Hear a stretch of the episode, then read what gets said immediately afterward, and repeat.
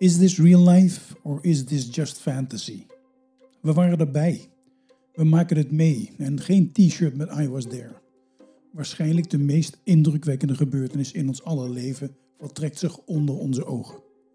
Er is ook een heel klein beetje goed nieuws in alles wat er gebeurt.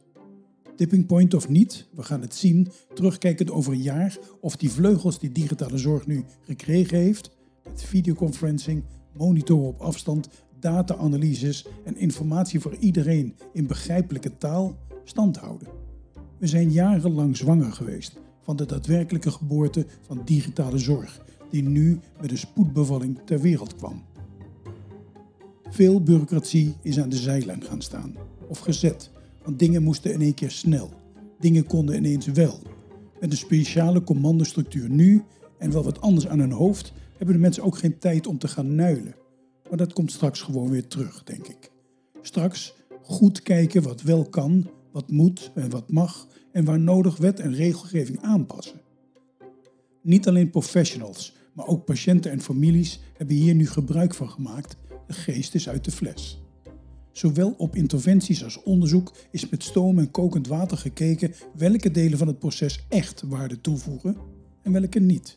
Hoe met zo weinig mogelijk inspanning, lees tijd, wel verantwoorde processen ingericht konden worden. Alle lucht is er uitgeperst. Het is een soort van reset, denk ik, op veel vlakken. Hieruit komen innovaties voort die daadwerkelijke impact zullen hebben.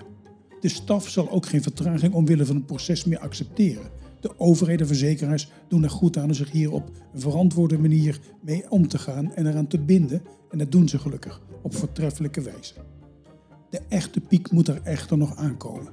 Als eenmaal de zorg een restart gaat krijgen, de IC-druk enigszins verlicht zal worden, dan als de adrenaline eenmaal weg kan vloeien en ook de energie een klap krijgt, dan weten we dat mensen door het ijs zakken.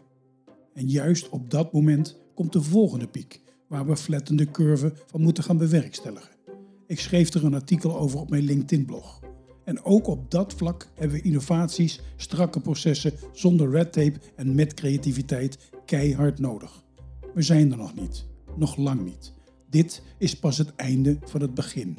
Geen fantasy, maar real life.